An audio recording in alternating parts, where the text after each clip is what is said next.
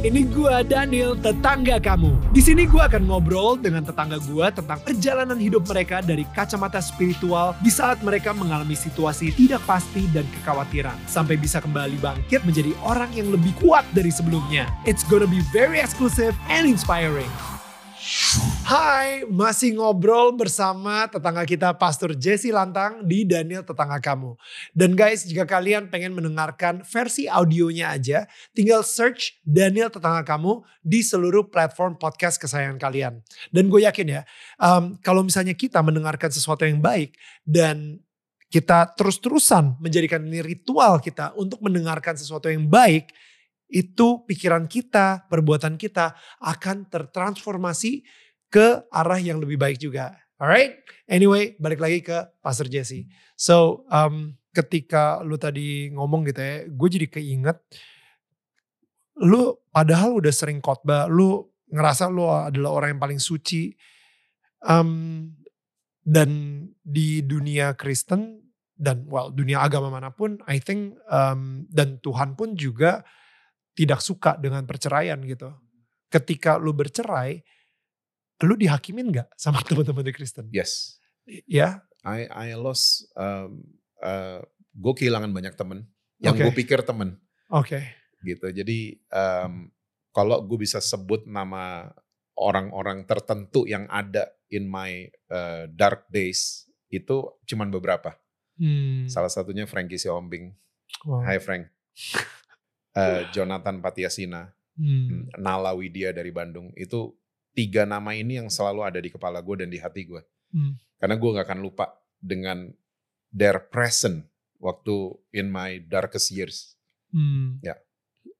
And how was it ketika lu kayaknya kehilangan identitas lu sebagai seorang um, minister? Mhm. Um, ada beberapa gereja yang mungkin udah nolak lu, yang Mhm. kayak, well, lu udah cerai, sorry, Hmm. lu udah bukan standar kita lagi, lu udah gak suci lagi misalnya dan lain-lain. Um, untuk perjalanan lu dari situ, identitas itu yang diberikan, dicapkan sama orang-orang yang yang gereja juga dan bahkan mungkin pemimpin gereja gitu kan. Um, sampai akhirnya lu bisa kayak sekarang itu journey-nya seperti apa? Uh, amazing sih. Oke. Nggak kepikir aja. Jadi uh, waktu ini semua sudah terjadi, setiap ada gereja yang ngundang, gue suka kasih tahu uh, keadaan saya seperti ini. Nah, ada tiga hal. Ada yang nggak nelpon lagi, ada yang nelpon dan bilang sorry ya Pak Jesse, kita nanti aja gitu. Tapi yang paling banyak adalah Pak Jesse nggak apa-apa kok, kita tetap mau undang gitu. Wow. Dan ini yang mengagetkan gue, wow gitu. Ternyata di samping suara-suara yang bising yang menghakimi gue, ternyata ada orang-orang yang tetap pure di pelayanan mereka. Wow. Gitu bahwa ya gue juga akhirnya mengerti bahwa semua yang naik ke mimbar di gereja bukan orang suci semua. Termasuk gue. Hmm. Tadi gue udah bilang kan kita semua orang berdosa. Bedanya Hmm. satu ketahuan, satu enggak aja. Ya. Gitu loh. Satu ngaku, satu enggak. Bedanya itu aja.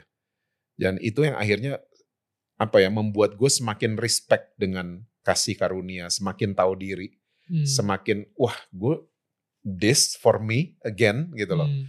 Gue kayak dikasih second chance gitu loh. Ya. Ternyata apa framing-framing dari beberapa orang yang berisik ternyata it's not for me. Ternyata framing yang dari Tuhan itu yang harus gue beli. Itu yang harus gue hidupin dan gue believe in that Hmm. gitu. Susah dong tapi ya. Untuk benar-benar fokus ke framing yang Tuhan telah berikan ke seorang Jesse Lantang dan menutup semua noise-noise. Karena nyatanya noise itu kan benar kedengeran banget Ya. gitu. Jelas lah mungkin Ya. gue gak tahu apakah saat itu zaman sosial media atau enggak. em, Belum tapi ada. belum ada juga ya. Belum ada. Ya, tapi maksudnya em, itu jelas nyata dan Tuhan itu kayaknya uh, framing yang Tuhan berikan. You are my beloved son, I love you, Ya. you're precious, uh, gue tetap sayang lu walaupun lu udah cerai. Hmm. Um, itu kan nggak kedengeran gitu mas ya, lebih Ya. kedengeran yang ini gitu. Ya. How do you focus then? ya gue cuman apa ya gue cuman disiplin my mind untuk selalu eh, diisi sama kebenaran firman Tuhan kayak waktu Yesus baru dibaptis ada suara kan inilah anakku yang kukasihi Matius 3 Right. Matius 4 waktu dia dicobai iblis iblis ngomongnya gini jika engkau anak Allah yang dikasihinya dihapus sama iblis Wow. Diedit sama iblis. Dan iblis modusnya kan nggak pernah kreatif. Dari dulu sampai sekarang gitu itu aja iblis. Ya Yesus aja digituin apalagi karoseri karoseri kita gini gitu kan.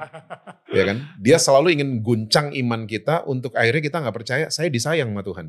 Hmm. karena itu selalu dihapus sama iblis. Hmm. katanya lo anak Tuhan. Katanya lo ke gereja. Katanya lo pelayanan. Kok gini kok gini? Tuh iblis. Nah waktu kita ikut satu frekuensi sama iblis nah ini yang bahaya dan gue mencoba belajar untuk keluar dari itu semua and I think I made it Hmm. gitu loh jadi gue nggak mau satu frekuensi sama iblis dengan menuduh diri sendiri karena iblis kerjanya menuduh kan siang dan malam lagi Hmm. dan waktu kita ikut-ikutan dia menuduh diri kita apalagi menuduh orang lain Hmm. kita satu frekuensi sama dia Wow. Sementara Tuhan frekuensinya nggak begitu. Ya. Yang tadi kita bilang frekuen, frequency Frekuensi. of love. F- Tuhan frekuensi nggak seperti itu. Dia selalu dia, saya sayang sama kamu. Hmm. Saya sayang. Dan kalimat itu powerful, become more powerful in my mind. Ya. Jadi sampai hari ini kalau gue baca di sosial media gue di segala macam ada orang yang komen negatif, ada yang hate hate speech dan lain sebagainya. Gue bisa tenang aja sekarang. Hmm. So that's why I'm- I told you I think I made it. Ya. dari dari suara-suara noise noise yang berisik itu gitu loh. Right. Maksudnya gue juga nggak apa ya nggak ada intensi untuk eh, ngutukin mereka juga nggak Hmm. gitu. Gue dalam hati malah Tuhan berkati mereka gitu. Mungkin mereka belum mengalami seperti saya Wow. gitu, belum melewati seperti saya. Jadi Ya. berkati mereka.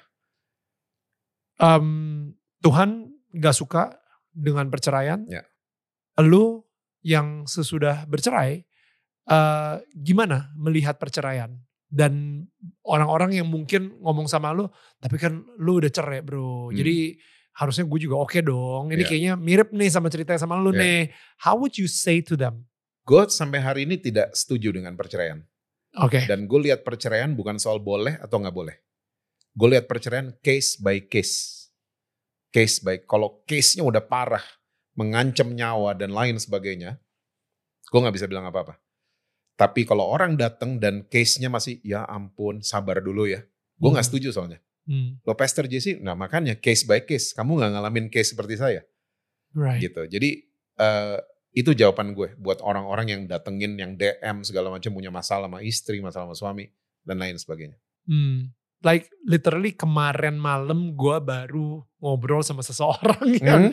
curhat tentang istrinya dan dia bilang kayak bro bini gue nih bla bla bla bla bla bla bla bla dan gue udah kepikiran sih buat cerai Hmm. and and I think sekarang ini di dunia yang penuh dengan noise. Tadi kita ngomongin gitu ya. Eh, mungkin kalau misalnya tetangga kita yang lagi nonton pun juga um, pernah baca namanya screw tape screw tape letter. Itu yang nulis C.S. Lewis. Jadi ceritanya lucu banget. Um, dia bikin ceritanya angle-nya itu justru dari iblis gitu. Iblis junior sama iblis senior. Nah si iblis senior bilang you know what? Strategi yang paling efektif buat kita membuat manusia itu memutus hubungan dengan Tuhan, kita ciptakan yang namanya kingdom of noise. Jadi dunia ini seperti kerajaan yang penuh dengan kebisingan. Dan sekarang kalau misalnya gue pikir-pikir, gila, kita ini hidup di dunia yang penuh dengan kebisingan banget.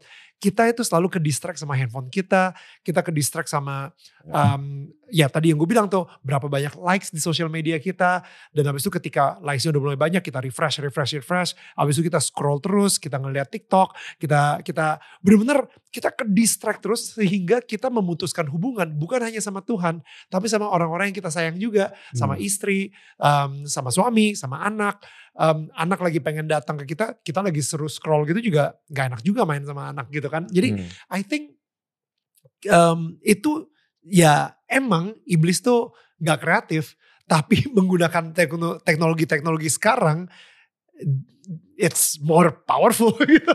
Ya. You know, karena kemarin masalah yang diceritain sama si suaminya itu ke gua, yaitu istrinya benar-benar ada satu rumah sama dia, tapi nggak pernah hadir secara mental. Hmm. Istrinya selalu ada di dunia handphonenya gitu Hmm. Udah habis nge WA, habis itu eh, nonton YouTube, abis itu nge, nge Instagram, abis itu nge TikTok, abis itu balik lagi ke WA, abis itu Netflix. so, Netflix, abis itu suaminya benar-benar kayak ya ampun ini, you know, dicuekin banget gitu. So ya akhirnya dia pengen cerai gara-gara itu sih kayak you know dari kehidupan pernikahannya juga makin lama makin hancur gitu. So uh, jadi untuk seseorang yang datang ke lu abis itu bilang kayaknya gue harus ceraiin istri gue gara-gara itu, atau gue harus cerai sama suami gue karena suami gue itu Hmm. lebih sayang sama sama hobinya di luar Hmm. Um, daripada sama gue gitu case by case how would you say to that person No. No, it's a no. do not divorce Do not. Masih bisa di masih bisa diperbaiki gitu-gituan. Masih bisa diomongin baik-baik kok. gimana cara ngomongin baik-baiknya gitu Nah, nah ini dia. Gereja mesti lahir sebagai father. Hadir bukan lahir. Gereja mesti hadir sebagai father. maksudnya apa Banyak pemuritan. Bukan cuman building acara. Oke bentar oke oke oke pemuritan tuh artinya apa maksudnya ag- oke ini nih layernya terlalu banyak banget nih gereja harus hadir sebagai Bapak. ayah Ayah. sebagai bapak Ya. dan mem- mem- pemuritan artinya apa ya Ya, jadi gereja ini akan mengayomi orang-orang yang bermasalah seperti ini. Karena banyak gereja cuman mau jadi showroom. oke Yang datang cuman dipoles-poles supaya kelihatan baik. Supaya gerejanya kelihatan baik gitu maksudnya Yang hadir bagus-bagus, Iya. nggak ada masalah. Enggak, gereja harus jadi bengkel justru. wow Jadi ayah tuh mesti jadi kayak beng, kayak montir kan, Hmm, gitu loh. Dia ganti oli, tiga bulan lagi datang lagi tuh mobil. that's good Bukannya dia jadi bener selamanya, bukan. that's good Jadi mentalnya orang-orang gereja tuh mesti begitu gitu loh. Termasuk sama orang-orang yang mau bercerai. right gitu. Jadi gereja tuh jangan jadi tempat pemberkatan aja. Tapi jadilah juga tempat orang untuk orang-orang yang mau bercerai datang am, rasa aman ke gereja. Hmm. Bukan kita setuju ya sama perceraian, tapi tolongin dong. Hmm. Tolongin orang-orang yang mau bercerai, ditemenin, diajak ngopi kayak Hmm. gitu loh. Bukan eh nih ayat ini gini-gini ya, lo nggak bukan gitu-gitu aja Right. gitu loh. Tapi diajak ngomong, ditemenin, yuk besok makan siang sama gue ya. Hmm. Kayak gitu-gitu. Nah makanya gue pakai istilah gereja harus hadir sebagai ayah tuh begitu. Oke. Gitu nggak nggak cuman sebagai partai politik or, or whatsoever gitu loh Ya. cuman untuk kepentingan mereka aja dan lain sebagainya Kalau misalnya kita ngomongin soal bapak, soal ayah, Hmm. I think um, lu kan tadi bilang bahwa lu sebagai seorang ayah pun juga apa dibilangnya Mr. Mom uh, dan bersyukur banget bahwa dua anak lu itu ikut lu setelah perceraian gitu kan. Mhm. Um, tapi kasus kebanyakan nggak seperti itu. You're Yeah. one of the lucky one. Lu, uh, I think you get the grace uh, as a single father. Ya, uh, case by case case Ya. by case. Yeah. Um, sekarang ini kelihatannya memang kasus fatherless, anak yang hidup tanpa sosok ayah, walaupun ayahnya masih hidup, itu banyak banget, ya kan? Yes. Uh, di Indonesia juga gitu.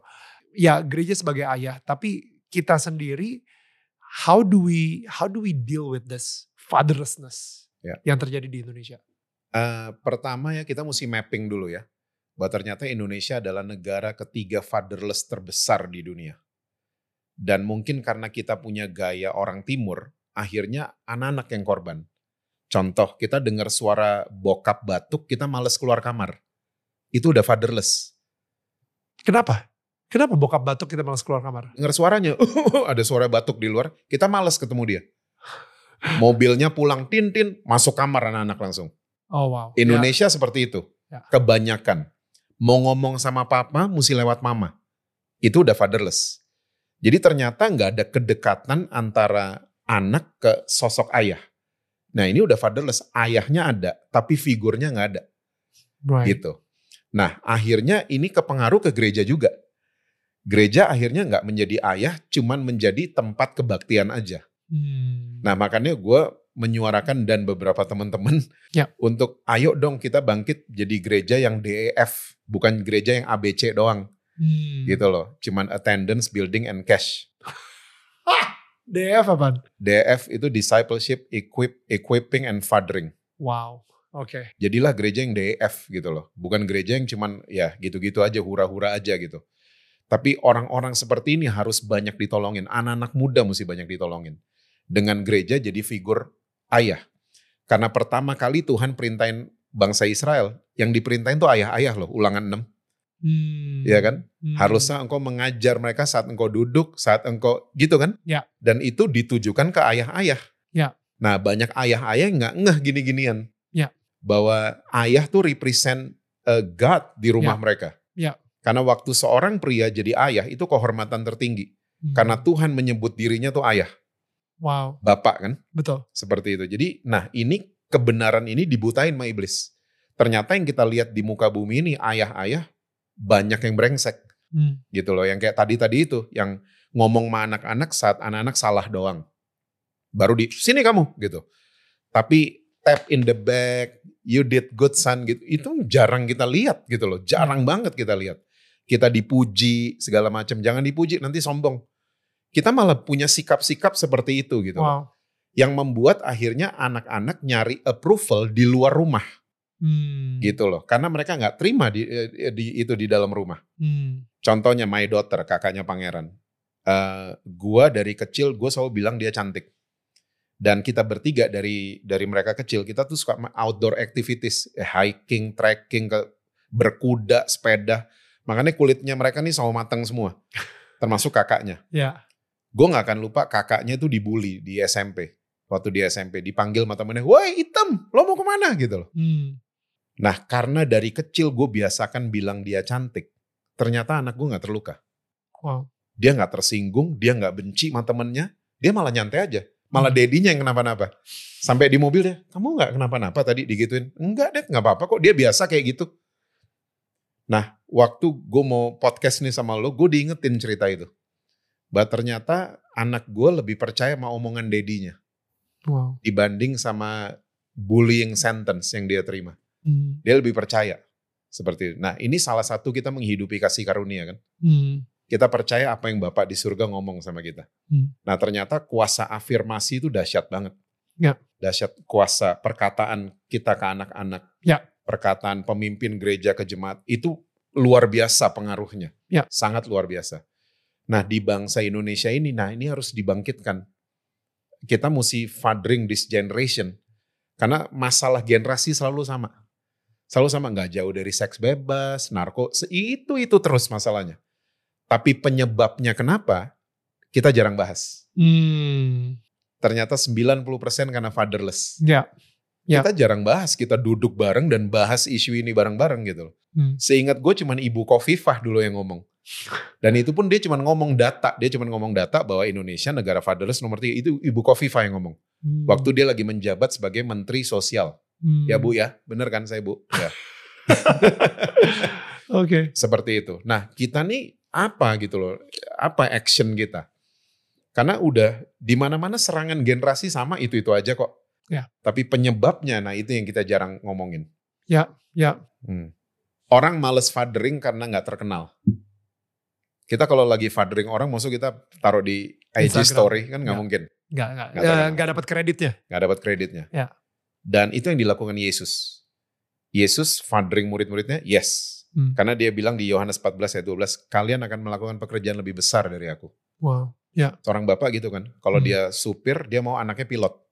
Wow. Anaknya lebih gede dari dia. Ya. Dan ini pekerjaan yang nggak dilihat sama banyak orang. Eh, pelatih sepak bola, dia kerja saat stadion nggak ada penonton. Atlet kerja saat stadion udah sold out. Ya. Dan waktu kesebelasan ini juara, yang dipanggil kaptennya, bukan pelatihnya. Wow. That's fathering. Ya. Makanya banyak orang-orang nggak mau ke situ. Hmm. Nggak populer soalnya. Nggak populer soalnya. Hmm. Kayak Hmm. gitu. Nggak dapat nggak dapat kreditnya dan again di dunia yang penuh dengan sosial media ini kayaknya kita justru pengen dapetin likes-nya, kita pengen Yes. dapetin the praises dan Spotlight. spotlight dan Ya. lain-lain gitu. Cuman ya, ya, absolutely. Ya. Ngomongin soal pangeran dan ngomongin soal sepak bola juga, kita langsung uh, ngajak pangeran ke sini. So this is uh, Pangeran Lantang. Thank you so much, Pang, for Yay. making it. Yes, this is uh, the one and only Pangeran Lantang. Uh, D- DJ Pangeran Lantang, Denzel Yeah. Jordan Pangeran Lantang. Guys. Bro, um, ini kali kedua sih lu di Daniel Mananta Network ya. Iya. Uh, Tapi nggak pernah podcast. nggak pernah. Kita syuting uh, Swear and Chat dan uh, I think at the time um, berapa? Kayak tahun lalu kali ya. Tahun lalu, tahun lalu. Aku masih ada rambut. Sekarang udah nggak ada. ya sudah sudah Iya. potong ya. Heeh.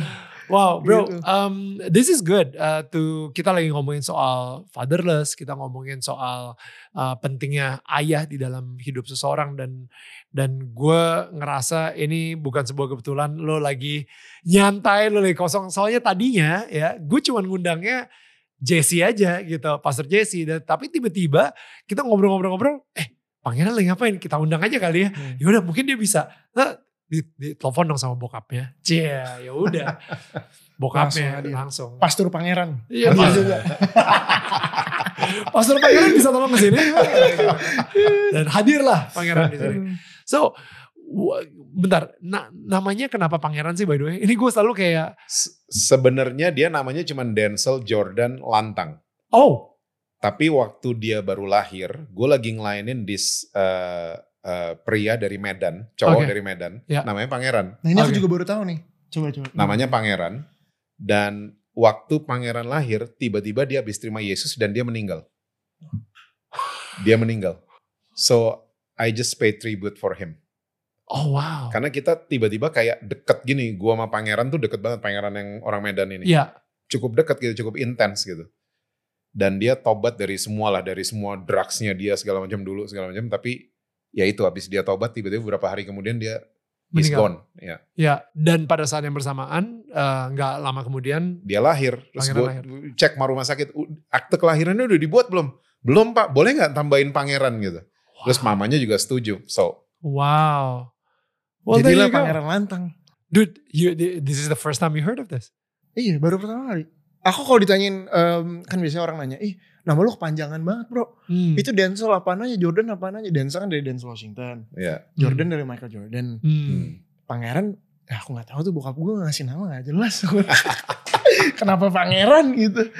Cuman ya ini baru tahu nih. Oh dari situ. Wow, okay. Well, you learn something new every day, bro. Iya. Tapi yang pangeran ini orang India untungnya. Ya. Oh iya iya Yang iya. muda itu kan orang Medan. Iya iya. Right. Bro, um, lo, you're one of the lucky ones uh, yang menurut gue, walaupun kita sempat ngomongin juga di Swear and Chat, uh, Hmm. kita sempat, uh, gue sempat nanya, um, dan Pangeran bilang gitu, gue adalah seseorang anak uh, yang tumbuh dengan orang tua bercerai, tapi gue bukan broken home. Lu Yes. bilang seperti itu. Lu tidak broken home, lu um, tetap merasakan kehadiran dua keluarga dari uh, keluarga ayah dan keluarga ibu juga. Um, dan gimana itu efeknya ke lu sekarang sebagai lu sekarang umur berapa by the way? 22. Dua, gila muda banget. Oh my goodness, gila. Mau beda, 23 dua bulan lagi. beda kita 20 tahun. om, hai om. kan? Jadi uh, dari lu sendiri sebagai yang anak umur 22 gitu ya, tapi um, mempunyai bokap seperti seorang Jesse Lantang gitu. Hmm.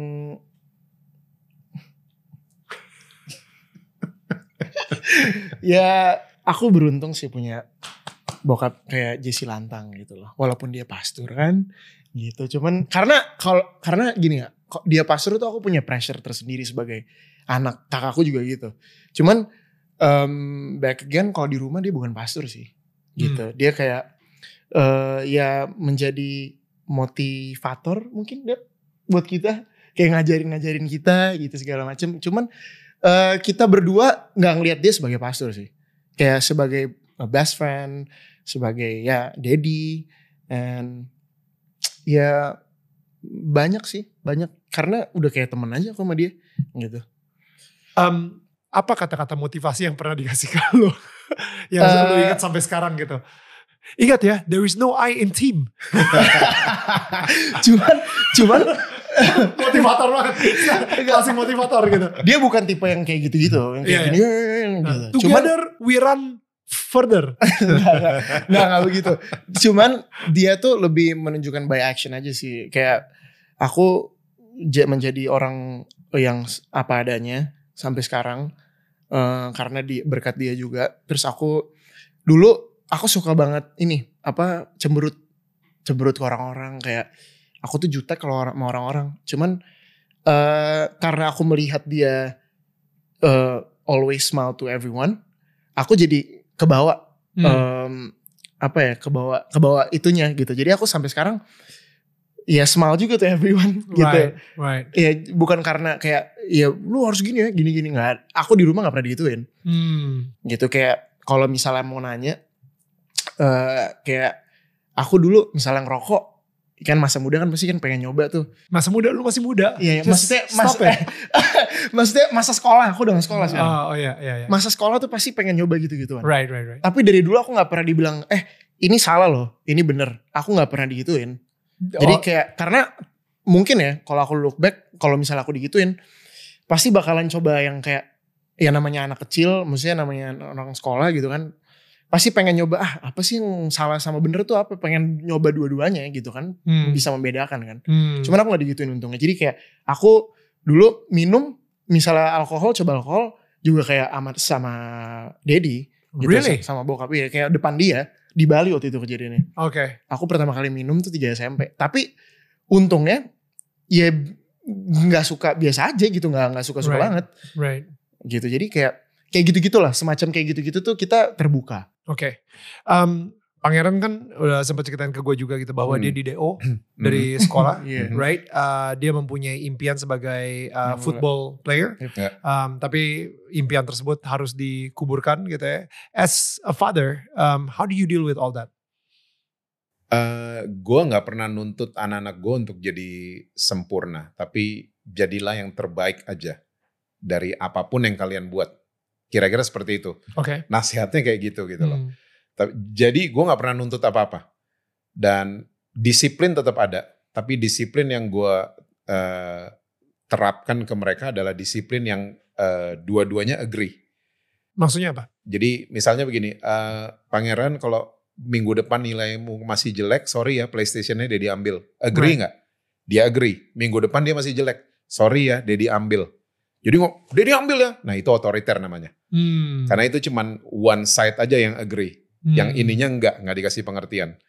Jadi gue selalu walaupun ya kayak tadi pangeran bilang gue kayak temen sama mereka segala macam, tapi gue ada disiplinnya juga sama mereka Sure. ada disiplinnya. Jadi lewatin ups and downs lah kita sama-sama. Jadi ada hal yang mereka tiba-tiba gagal, mereka ini I, I was there for them Hmm. gitu untuk kakaknya juga. Kayak gitu. Um, ketika dia di DO, it Mhm. it felt like a huge failure. Maksudnya seorang anak Jesse Lantang Mhm. uh, dikeluarin dari sekolah. Mhm. Um, how did you deal with that? Um, gue itu biasa-biasa aja sih. Biasa-biasa aja. Kamu tidak memba apa kamu malu untuk nama seorang lantang. Gue malah langsung action gitu. Mau pindah ke mana gitu. Mau cari sekolah di mana. Karena waktu itu dia udah mau ujian 3 SMA waktu itu. Betul. gitu. Jadi kita langsung cepet action cari eh, sekolah pengganti dan dapet ya udah. Lu bahkan nggak fight ke sekolah untuk Udah, oh udah juga. udah. Gue fight ke gurunya, nggak ke dianya, ke gurunya justru, Right. ke gurunya. Kenapa? Karena, dia nggak terlibat apa-apa waktu itu seingat Betul. gue. Dia ada di lokasi aja Dia gitu. cuman ada di TKP aja gitu loh. Hmm. Dan itu yang gue segala macam. Cuman ini gue juga nggak mau ribut akhirnya sama sekolahnya, karena gue punya hubungan baik sama guru-guru di sekolahnya dia. Jadi ya udah kita action untuk cari sekolah lain. Hmm. Ya, pergilah lu ke Amerika. Jadi tukang cuci piring. Gak tau ya, gue gue gue gue juga penasaran gitu dari uh, how do you understand dari seorang pangeran sendiri gitu ya tentang Tuhan dan kasih karunia Tuhan yang dari tadi kita udah omongin di dalam kehidupannya seorang pangeran melalui uh, your dad. Hmm, apa ya? Cuman aku ngerasain kasih karunia Tuhan justru bukan melalui Dedi. Maksudnya kayak eh ya aku dari lahir juga dari keluarga Kristen yang selalu setiap minggu ke gereja Hmm. gitu. Jadi bukan karena terbiasa, cuman awal-awalnya aku emang kayak belum merasakan kasih karunia Tuhan. Cuman em, karena aku udah mulai banyak pengalaman di hidup, maksudnya kayak ke Amerika, di DO apa segala macam dan aku jadi mikir, wah, eh, coba deh. Dan orang tua di rumah selalu bilang, itu kalau bukan karena Tuhan itu karena siapa? Cuma Hmm. diingetin gitu kayak oma aku, my dad cuman kayak gitu doang. Itu kalau bukan karena Tuhan tuh karena siapa terus? Hmm. Kayak gitu. Kayak aku bisa karena aku selalu ngeluh waktu itu dulu. Ngeluh-ngeluh aja kerjaannya. Kayak masih ah ini cuci piring nih di Amerika apa segala macam kayak gini. Tapi ternyata dari situ aku punya mental, punya physically, mentally berubah gitu. Mindsetnya juga berubah. Aku juga semakin dewasa. Dan ya itu kalau bukan karena Tuhan karena siapa ya? Hmm. gitu aku mikirnya sih ke situ dan aku punya banyak banget sih maksudnya pengalaman yang yang yang yang udah Tuhan berikan ke aku gitu loh. Sampai aku masuk di entertainment juga yang aku nggak suka. Kadang orang nanya eh gue malu banget bro depan kamera gitu ya. Kalau aku bukan malu lagi aku nggak suka depan kamera. Right. aku tuh cuman kayak mikir duh Tuhan gimana ya? Tuhan aku nggak nggak sekolah lagi. Dulu terus aku nggak setiap belajar keluar mulu nggak suka belajar di dalam kelas gitu lah jadi kayak aku nanya Tuhan nih aku mau ke mana sih arahnya? Gitu loh. Aku laki-laki dan waktu kan cepat banget ya. Gitu dan di saat itu aku udah umur 20 tahun Hmm. dan udah kepala dua. Aku belum ngapa-ngapain kuliah ganti-ganti gitu di Amerika nggak lulus di sini ganti-ganti ganti jadi kayak ini gue mau ke mana sih? Gitu loh. Dan aku mikir dan aku nggak ngomong ke dia. Aku nggak ngomong. Aku cuman kayak oke dis- ini udah saatnya gue ngobrol sama Tuhan. Hmm. aku gitu sih di saat itu mikirnya. Karena udah cukup aku kayak gimana ya gimana ya dad? Gimana ya mami? Gimana ya? Gitu aku udah cukup menurut aku. Wow. gue udah kepala dua gue udah harus mikir sendiri nih. Ya. gitu loh. Mau sampai kapan gue gimana ya gimana ya gimana ke Hmm. dia terus gitu kan. Hmm. akhirnya aku tanya Tuhan gue aku harus gimana? Dan itu pun nggak dijawab di hari itu. Itu dija itu mungkin kalau di kalau aku bisa jawab ya aku itu nggak dijawab mungkin ya. Hmm. gitu. Kayak baru dan baru ketahuannya dijawab tuh kayak berbulan-bulan kemudian anjir ternyata dijawab ya. Di saat itu tuh ternyata dijawab gitu karena aku casting gagal. Hmm. gitu. Nggak suka depan kamera gimana? Right. casting gagal segala macam gagal tapi tiba-tiba Tuhan eh, Tuhan tar, ta- taruhin aku di, di tempat yang ini orang cabut dari project ini dan itu udah big reading. Dan ternyata sutradaranya sahabatnya Dedi dulu Hmm. which is Rizal Mantovani. Hai Om. Gitu. Jadi kayak di saat itu wah oke ini rencana Tuhan so aku nggak boleh nggak Hmm. boleh sia-siain lagi gitu Hmm. dulu udah jadi pemain bola sia-siain aku nyoba-nyoba rokok Hmm. pemain bola mau nyoba pemain bola mau keluar masa ngerokok Right. ya kan dia Right. ngeliat lagi Hmm. akhirnya ya udah itu konsekuensi gue Hmm. gitu jadi ya aku merasakan kalau dibilang kasih karunia Tuhan aku sangat merasakan dia Wow. dia dia hadir buat aku kalau dibilang aku ke, ke gereja setiap minggu enggak juga Hmm. karena aku punya kerjaan Hmm. yang kalau aku izin untuk ke gereja ke gereja itu bakal menunda produksi ya you know lah Ya. gitu loh C- Ya. cuman ya balik lagi Dedi suka kasih tahu ke aku eh, my mom juga kayak gereja tuh bukan ya gereja kita we are tuh we are the church gitu loh Right. gitu loh bukan cuman gedungnya bukan ah gitu gitu Ya, ya, ya. Gitu. Eh, dari Jesse, apa definisi sukses em, seorang manusia atau seorang anak gitu Ya. misalnya? Sukses buat gue adalah kalau kita bisa melahirkan success story. Penerus. Jadi sukses buat gue itu bukan punya rumah banyak, mobilnya banyak, asetnya banyak, bukan. Jadi kayak kalau kita pernah nonton Laskar Pelangi, gurunya tuh orang sukses. Karena dia melahirkan tujuh orang sukses. Gue belajar itu dari Yesus sebenarnya. Yesus selama di planet bumi ini dia mentrain 12 orang dan 12-12-nya jadi. Gitu loh. Dan itu Sebelas, sukses. sebelas. 11 ya, satu bunuh diri ya. ya. Ya. Eh, itu sukses definisi buat gue kalau kita bisa melahirkan success story, Hmm. successors dalam kehidupan kita. Hmm. Itu sukses buat gue. Hmm.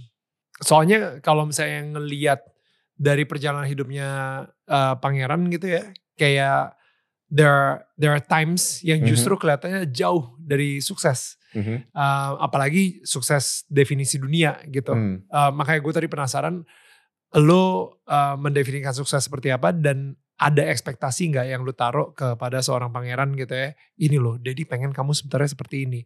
Ada that expect, you know biasalah bokap-bokap gitu yang pengen anak laki-lakinya itu bisa mempunyai eh, their own success. Tapi it's a definition of a certain success. Ya, salah satu kita poin kita sampai ke successors itu, kita mesti signifikan kan. Hmm. Kita ada di mana? Di- Ergon kita di mana? Kekuatan kita di mana? Dan em, eh, salah satu yang gue lihat dari pangeran adalah dia dari SMP udah narsis.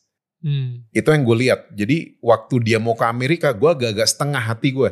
Hmm. Maksudnya, hey, kamu itu kayaknya di depan kamera nantinya gitu loh. Oh wow. Cuman waktu itu dia masih mau nyoba, so ya udah berangkat aja dulu. Hmm. Dan ternyata dia homesick waktu di Amerika dan akhirnya dia pulang. From that day dia sampai di Indonesia. Itu ternyata beru- meru- merubah kehidupan kita. Right. Kita jarang ketemu sekarang Hmm. karena gue ke mana dia kerja, gue lagi pulang, telepon dia dia lagi kerja, dia sibuk banget sekarang. Hmm. Gue nggak akan lupa waktu pertama kali dia pulang dari Amerika itu em, Ivan Gunawan. Mhm. Tiba-tiba dia nelpon Jess, boleh nggak eh, ajak pangeran untuk fashion? Nah, from that day, tiba-tiba dia sibuk terus gitu loh. Wow. Banyak kerjaan masuk dan lain sebagainya. Jadi eh, sukses mesti signifikan juga. Sebelum kita sampai ke poin yang namanya successors. Hmm. Kita mesti signifikan ergon kita tuh di mana, kekuatan kita tuh ada di mana. Hmm. Gitu. Jangan sampai kita hidup bukan di zona kekuatan kita. Hmm. Gitu. Itu penting sekali. Hmm. Dan gue lihat pangeran udah hidup di zona kekuatannya. Hmm. Oke. Em, lu sendiri udah ngerasa su- sukses? Nah, kalau aku ini kan dari kacamata umur berapa Bapak? Bapaknya umur berapa ya? 20 iya, beda cuma berapa tahun ya? Tau dong umur. 51, 51. 51. Ini dari kacamata 51. Aku setuju juga. Dari kacamata umur 22 tahun, sukses menurut aku adalah sehat dan bahagia. Jadi kalau udah sehat dan bahagia, itu menurut aku udah sukses. Karena coba dipikirin yang dalam-dalam banget, yang luas. Orang sekarang tuh sehat dan bahagia tuh susah banget. Pasti ada yang cuma bahagia doang atau ada yang cuma sehat doang. Kita nggak pernah tahu gitu loh.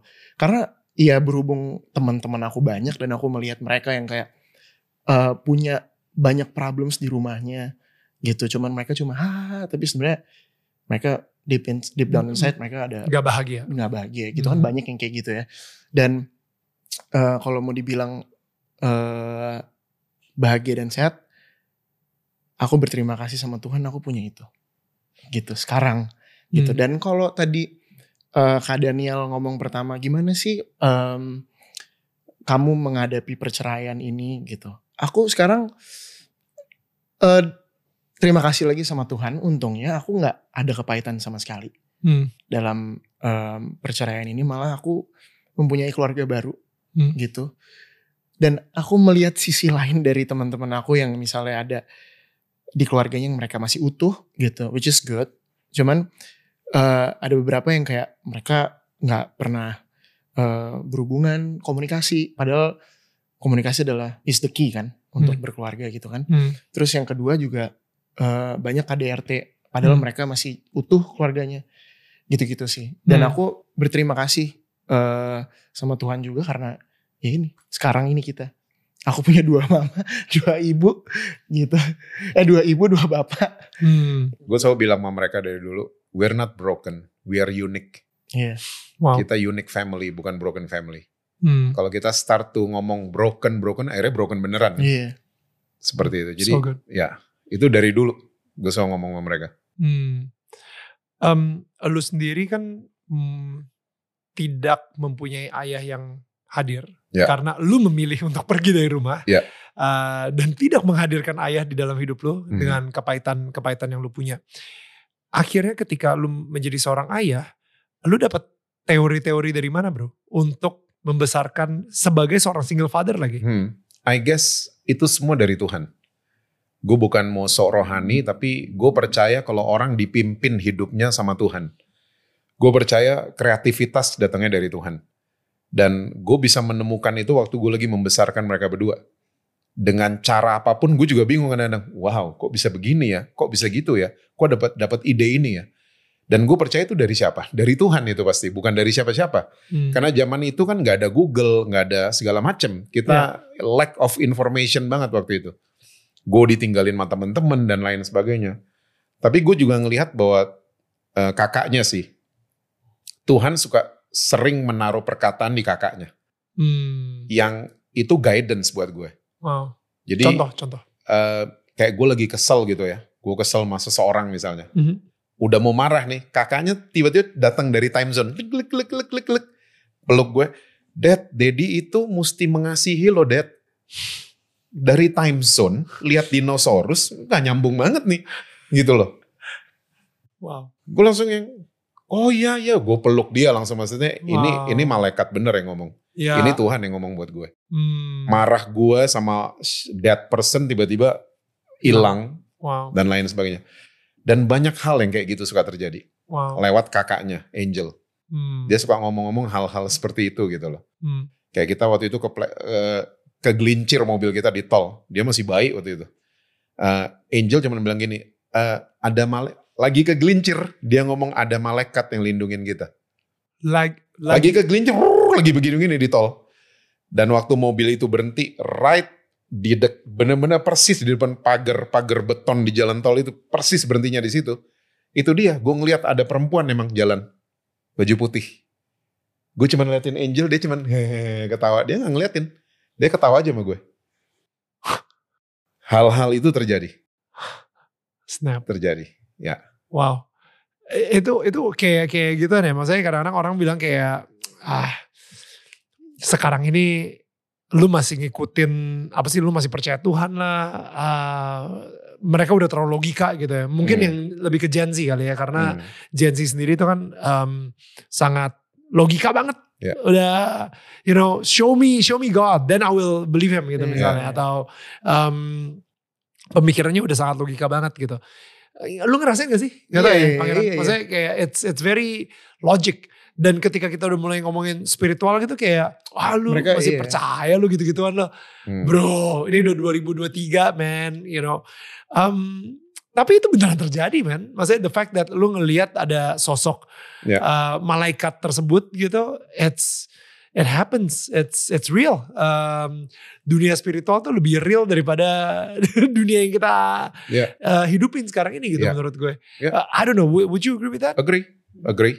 Dan gue rasa sampai Gen Z sekalipun, Gen Alpha sekalipun, mereka akan seneng dengar kabar baik. Karena good news will lead men and women into repentance. Hmm, Kita dengar sepatu sale kita ngantri, kita dengar ada travel fair kita ngantri. Good news soalnya. right. Apalagi ada 15 Pro antri. 15 Pro ngantri. Apalagi ada kabar yang menyatakan bahwa dosa kita diampunin 100%. Hmm. Itu kabar baik yang masih valid sampai hari ini.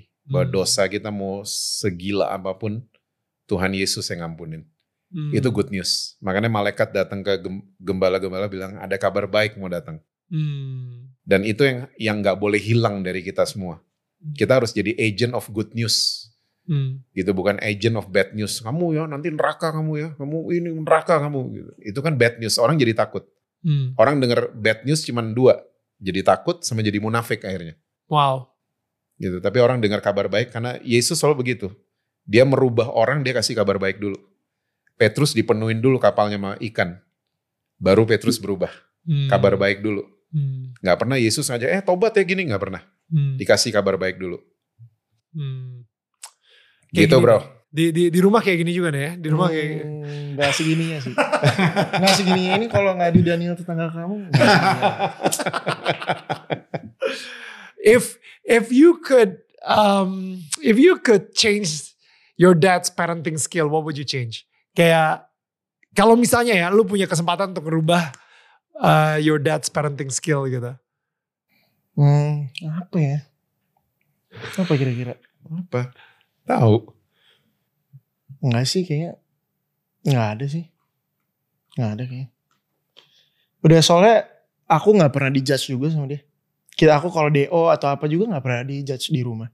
Ya. Jadi itu sih yang maksudnya yang berkembangnya aku jadi kayak ya I became like this ya karena Ya.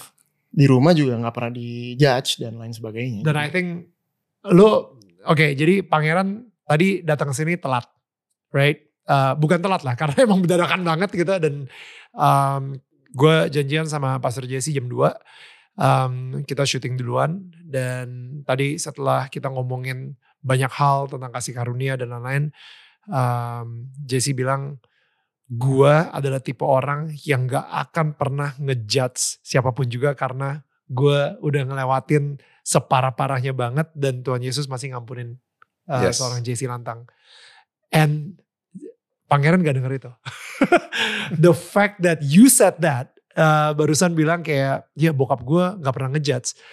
Karena ya yang bisa ngomong setulus dan sedirect itu adalah anaknya. Karena ini ini this is the ujian gitu in a way you know what I mean ini ujiannya gitu Iya. tiba-tiba kalau saya pangeran bilang ya dia pernah lah ngejudge gue sekali atau dua kali udah semua omongannya Jesse itu nggak valid lah Tapi maksudnya gini, eh misalnya, iya sih, bener bener bener bener. so udah itu tadi valid gitu itu udah kayak aku Iya, iya, iya. konfirmasi gitu Iya iya iya.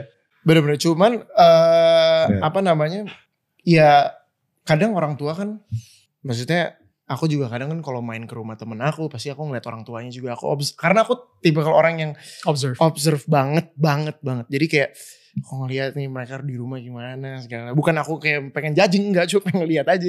Contoh aja pas aku di DO dia juga cuma nanya kayak lu lu kenapa di DO lu? Gitu. Ya aku jelasin gini gini gini. Oh ya udah emang emang nggak bisa ngomong ke gurunya cuma di gini, gini gitu loh. Udah gitu doang nggak yang ya maksudnya gini karena kok aku nggak dijudge jadi makanya aku telepon dia gitu dan aku Hmm. ngomong sama dia kenapa gini So gini, gini. Kalau dijudge mungkin ini buat para orang tua mungkin ya sebenarnya. yang suka menghakimi iya, anaknya yang sendiri suka menghakimi anak sendiri atau nyuruh-nyuruh apalah. Cuman kalau misalnya gitu mereka akan terbuka gitu loh. Karena mereka kalau misalnya ini udah dijudge duluan mereka bakal takut nextnya gitu untuk Ya. untuk cerita sama bokapnya lah atau nyokapnya. Ya. Bakalan takut lah orang itu gue dijudge nih. betul Gitu. betul betul gitu loh maksudnya gitu dan kita aku sama my sister kalau eh, sama Dedi nggak bakalan maksudnya udah nggak takut Udah Apa-apa, tahu. udah, udah kayak iya it's a safe space iya bokap lo adalah safe space buat lo untuk bercerita tentang apa pun dan Iya. gak akan pernah dijudge. Iya. That's a beautiful father. Kayak Thank you. Yeah, it's a it's a Nice beautiful validation.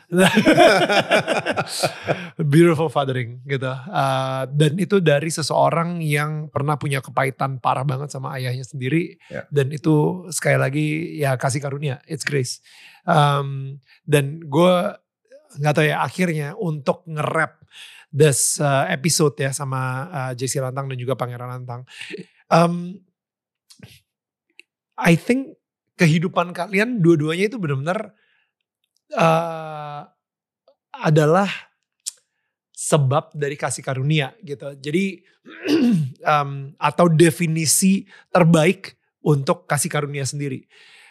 Lo gagap, gak mungkin pernah khotbah, Mhm. tapi tiba-tiba bisa khotbah Iya. Um, dan diterima uh, sama gereja walaupun sudah bercerai dan dan akhirnya apa ya lu jadi diri lu sekarang ini benar-benar sebab kasih karunia gitu. Iya.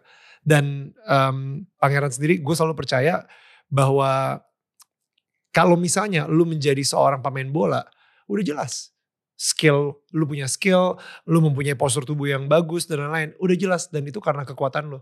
Tapi the fact that lu ada di dunia entertainment padahal lu nggak suka um, itu kasih karunia bro iya. You know karena itu udah bukan lagi kekuatan lo iya. Uh, you don't deserve this. Dan aku menyadari itu juga. Right. So ya Right. lu nggak nggak banyak orang yang mempunyai skill uh, lebih hebat, mungkin lebih ganteng dan lebih acting lebih jago, tapi nggak pernah dapat kesempatannya untuk ada di dunia entertainment. Iya.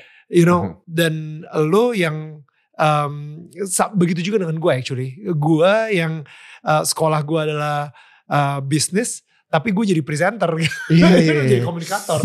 Iya. I- Ini menurut karena juj- jujur li dengan postur seperti ini, sipit kayak gini gitu ya.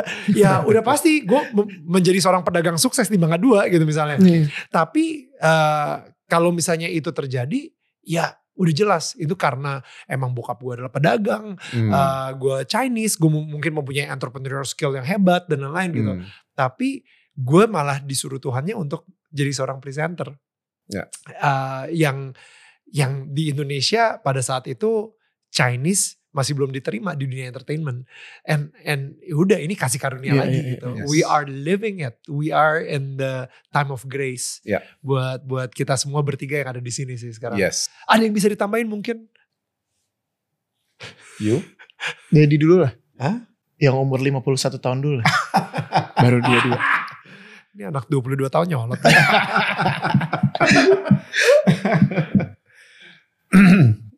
Eh, apa ya? yang Buat gua- para orang tua. Ya sih buat para orang tua sih. Lebih tepatnya. You think so? Iya dong. Oke, for uh, parents, um, kita mesti belajar dari pribadinya Tuhan kepada kita ya. Uh, itu yang harus kita pass it on ke anak-anak, ke anak-anak dari afirmasi. Jangan pernah bilang anak kamu anak setan, kamu anak sundal, uh, kamu kayak perempuan, kamu kamu jangan gitu-gitu, ya. kamu bego segala macam. Itu mesti di stop. Itu mesti di stop dari mulut orang tua ke anak-anak um, bangkitkan kepercayaan diri mereka bukan overconfidence ya tapi kepercayaan diri mereka harus bangkit dari afirmasi orang tua Uh, mulailah bicara sama anak-anak saat mereka lagi salah sekalipun sampai akhirnya di rumah itu terjadi atmosfer bahwa waktu anak-anak salah mati gue sama daddy gue anak-anak gak gitu lagi Hmm. tapi waktu anak-anak bikin salah I need to talk to my dad Wow. itu yang akhirnya bisa terjadi atmosfer seperti itu Hmm. jadi anak-anak nggak nyari apa-apa di luar rumah nyarinya di dalam rumah Hmm. dan waktu mereka kelu- keluar rumah mereka akan jadi anak-anak yang tahan uji Hmm. ada badai ada apa mereka nggak gampang goyah Hmm. karena mereka menerima afirmasi yang baik di rumah mereka Ya. dan nggak nyari-nyari di luar rumah So good. Dari Pangeran? Dari aku buat kalangan aku kali ya. Gen Z. Gen Z. Berarti aku Gen Z ya? Iya. Ah, jangan Gen Z dong aku. Ah, apa? Ya, Ja- kan Gen- aku Red Hot Chili Peppers. jangan Gen Z dong. Iya, iya, iya. Eh, ya udah. Lagu hitsnya doang Lagu itu doang. Apa ya kalau dari aku nggak jauh beda sih dari sama kayak Dedi. Cuman eh kan kadang kan banyak kayak kalau sumuran aku tuh yang kayak sekarang udah kena mental health gitu-gitu loh. Kayak merasa nggak disupport secara mental. Gitu tuh financial oke tapi mentalnya nggak oke gitu. Aku cuma mau bilang everything's gonna be okay. Kalau kalian coba berdoa dan bersyukur sih semuanya bakal baik-baik aja. Hmm. Jadi coba merenung, merenung kayak introspeksi juga kalian gimana. Jangan cuma bisa kayak kadang-kadang soalnya ada sumuran aku yang kayak gue kena mental nih, gue kena mental nih gitu. Tapi nggak tahu definisi mental health tuh apa gitu-gitu dia mereka nggak tahu. Atau bahkan mereka sendiri yang bikin itu. Ngerti gak sih maksudnya? Ya. Jadi kayak ya dari aku itu sih kalau kalian bisa bersyukur dulu dan coba ngobrol sama Tuhan Hmm. eh, kalian maunya apa dan lagi gimana kalian keadaannya sekarang dan coba karena gini karena kalau sekarang ya mungkin dulu orang tua terus yang harus ayo ngobrol ngobrol ngobrol ngobrol kalau sekarang kayak udah gak butuh itu sih Hmm. kayak sekarang harus anak yang bisa juga anak yang kayak dad mam ngobrol yuk gitu Hmm. dan aku yakin di generasi aku sekarang kalian udah punya itu sih Hmm. gitu untuk kayak let's start let's start kayak ya mam dad ngobrol yuk gitu Hmm. gitu sih jadi komunikasi bersyukur Hmm. everything's gonna be okay gitu sih dari pangeran iya That's beautiful. Let's close it with that. And um, ini gue uh, ngasih souvenir ya. Sorry ya, souvenirnya cuma satu. nggak bisa dong aku data aku juga mau nggak lah Uh, kita masih ada lagi nggak? Nggak, thank nanti- you Ada acara lagi, ada acara lagi. Ya, nanti gue akan undang lu sendirian gitu ya. Ketika lu udah lebih bijak gitu ya. Oke, so uh, oh ya itu souvenir dari kita dan Mhm. uh, simbolnya, filosofinya selalu um, nah, itu bentuknya seperti ini sih. oh oke Jadi it's um, it's a house. Um, nice pengingat kalau misalnya lu di rumah lu bisa taruh lilin dan rumah kalian tuh adalah pelita ya atau terang yang bisa menerangi rumah-rumah di tetangga sekitar. So nice that's the that's the philosophy of it and thank, you Thank so you. much. Uh, Pangeran, thank you so much for coming along as well. Dan uh, yeah, I'm I'm super happy with today's conversation. Dan mudah-mudahan tetangga kita pun juga um, senang juga dan dapat values-values yang kita sudah bicarakan ini. So kita ketemu lagi minggu depan. So tetangga saling menyangga bukan menyanggah. See you guys. Bye bye. Thank you so much guys sudah mendengarkan podcast Daniel Tetangga Kamu.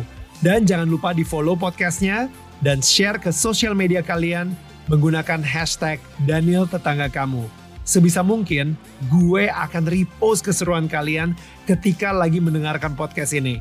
Kalian juga bisa menyaksikan Daniel Tetangga Kamu setiap hari jam 4 sore waktu Indonesia bagian Barat di channel YouTube Daniel Mananta Network. Karena setiap minggunya akan ada sosok-sosok inspiratif yang akan menceritakan perjalanan hidup mereka dan hubungan mereka dengan Tuhan. Sampai ketemu minggu depan.